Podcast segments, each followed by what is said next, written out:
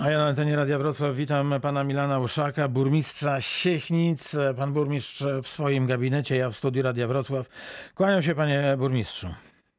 Dzień dobry panie redaktorze, dzień dobry państwu. Panie burmistrzu, właśnie zastanawiałem się od czego by tu zacząć, czy od dotacji, czy od zorzy. Jednak e, wybrałem e, siechnicką zorzę. E, nie trzeba jechać gdzieś daleko, żeby zobaczyć jak pięknie podświetlone jest niebo. No pod warunkiem, że nie mamy lata, jak to z zorzą bywa, bo teraz słońce świeci o wiele, wiele dłużej i tej, tej zorzy ostatnio nie zaobserwowałem. A y, powiem i Państwu, i Panu, wystarczy, y, wystarczy wpisać w wyszukiwarkę Siechnice i od razu pokazują się zdjęcia owych Siechnic y, i Państwo by pewnie myśleli, że może urząd, może jakiś piękny zabytek. Nie, niebo rozświetlone. Co z tą zorzą, Panie Burmistrzu? No to jest światło pochodzące z e, siechnickich szklarni e, gospodarstwa prowadzonego tam przez e, przedsiębiorstwo produkcji ogrodniczej Siechnice. Zmieniło się dosyć sporo od jesieni ubiegłego roku, dlatego że to światło nie jest używane już w godzinach nocnych. Natomiast rzeczywiście wtedy, kiedy od jesieni do, do wczesnej wiosny, do końca zimy kolejnego roku w tym okresie jest naświetlanie tych upraw pomidorów w szklarniach, to y, mamy jeszcze szybki zmrok, oczywiście, y, późny wschód słońca i, i to światło również w tej porze dziennej jest y, bardzo widoczne, kiedy jeszcze mamy ciemne, ciemne niebo, pomimo tego, że przedsiębiorstwo stosuje kurtyny. Kurtyny, które notabene z informacji przedsiębiorstwa wynika, mają być w tym roku jeszcze wymieniane i uszczelniane ale są to kurtyny na ścianach bocznych szklarni. Natomiast nie są stosowane kurtyny, zasłony na dachu szklarni, tak? Co powoduje, że to światło, y, no można powiedzieć, unosi się do góry, to lśnienie, dlatego że szczególnie widoczne jest to i to szczególnie z daleka, co ciekawe.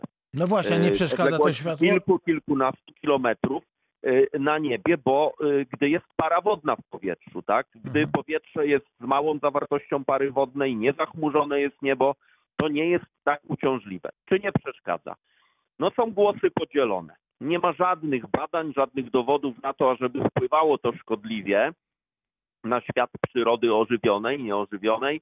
Natomiast oczywiście subiektywnie odbierane jest to niekiedy jako uciążliwe, czy wręcz bardzo uciążliwe. W tamtym roku mieliśmy szczególnie gorący okres, bo wystąpienia mieszkańców, petycje, pytania e, i oczywiście zdaniem połowy mniej więcej zainteresowanych jest to uciążliwe, jest to nieprzyjemne, e, zdaniem drugiej części e, obojętne.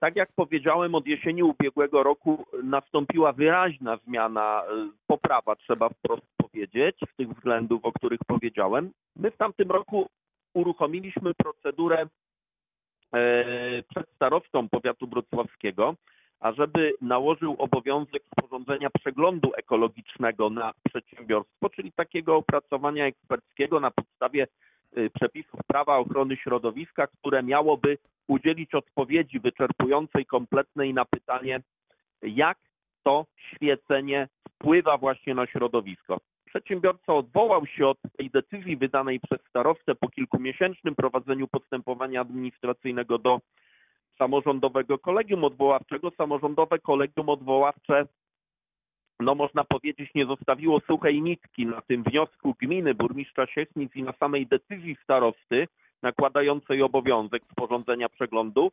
stwierdzając, że to nie ten etap i nie to narzędzie prawne, ażeby przedsiębiorcę przymuszać na jego koszt decyzją administracyjną do sporządzania takiego raportu, takiej e, e, ekspertyzy środowiskowej. Sprawa wróciła do e, starostwa powiatowego.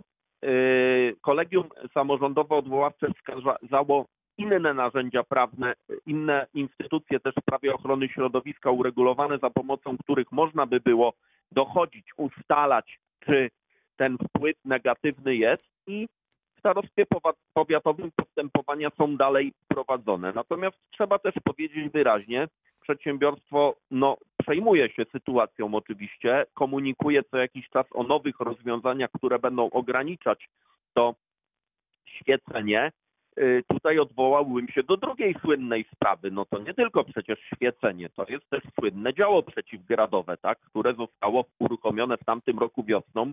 Wzbudziło nie mniejsze emocje, negatywne bardzo komentarze, wystąpienia y, czy mieszkańców czyich grup, łącznie z tym, że Rada Powiatu Oławskiego, sąsiedniego, wystąpiła do premiera Mateusza Morawieckiego z apelem o to, ażeby zainteresował się sprawą i problem rozwiązał. Problem definiowany w ten sposób, że strzelanie częste tym ciałem przeciwgradowym powoduje zanik czy uciekanie opadów z nad terenów tutaj naszych gmin, powiatu e, i szkody dla e, upraw rolniczych. Ale powiedzmy, panie, panie burmistrzu, dlaczego, dlaczego to strzelanie e, zostało wprowadzone? Żebyśmy wszyscy zrozumieli, o co tu chodzi.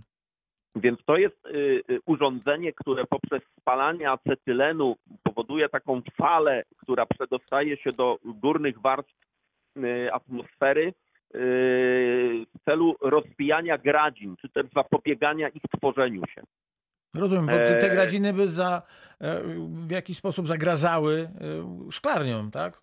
Tak, no z To tego powodu chodzi. przedsiębiorstwa kupił taką instalację i zaczął ją eksploatować. No można by powiedzieć z perspektywy czasu, że dosyć częstotliwie w ubiegłym roku, a może nawet i nadgorliwie, obserwujemy taką bardzo wyraźną zmianę od wiosny tego roku. To działo strzeliło kilka razy za, za, zaledwie. No bo susza była. To raz, ale też trzeba powiedzieć, zostały wdrożone jeszcze dodatkowe y, oprogramowania, y, y, dane z innych jeszcze dodatkowych radarów i y, bardziej, bardziej szczegółowo analizowane są te zjawiska, tak, atmosferyczne, dlatego przedsiębiorca może strzelać rzadziej. Wszystko to zrobił pewnie dlatego, no, że bierze pod uwagę głos mieszkańców o uciążliwości tego urządzenia z jednej strony, z drugiej strony ono przecież oddziaływuje nie tylko korzystnie na jego szklarnię, ale i na całą okolicę, tak, no bo nie zabiera deszczu, nie rozpędza deszczu, tylko powoduje, że w atmosferze te cząstki wody nie skupiają się w postaci gradzin i, i, i spadającego gradu później, tylko rozbijane są na mniejsze części. No tak, to, Ale jest na, pewno, to jest ten- na pewno zysk. Tak, ten deszcz nie ucieka, on po prostu te gradziny spadają, czy ta, ta para wodna spada w innej postaci, tak, w tym samym miejscu. E, natomiast było to uciążliwe, trudno zaprzeczyć. Taki jednostajny, e, takie strzały, które potrafiły trwać dosyć długo w czasie tej pogody burzowej, ciężkiej, były bardzo uciążliwe dla mieszkańców. I też trzeba powiedzieć, no z pewnych takich względów subiektywnych, obniżenia jakości życia, były pytania, były protesty, były petycje. Ja się bardzo cieszę, również wskutek moich interwencji i zapytań przedsiębiorca zastosował nowe rozwiązania, jeżeli chodzi o sterowanie jakby, tak, Mhm. krótko mówiąc, tym działem.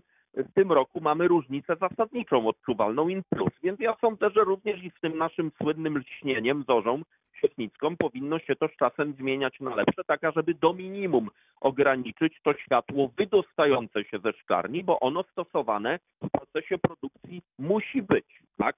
W okresie, gdy nie ma tych, yy, tych promieni słonecznych wystarczająco dużo dla wegetacji tych krzewów pomidorów, muszą być one naświetlane sztucznie. Rzecz w tym, żeby do minimum ograniczyć przedostawanie się tego na zewnątrz.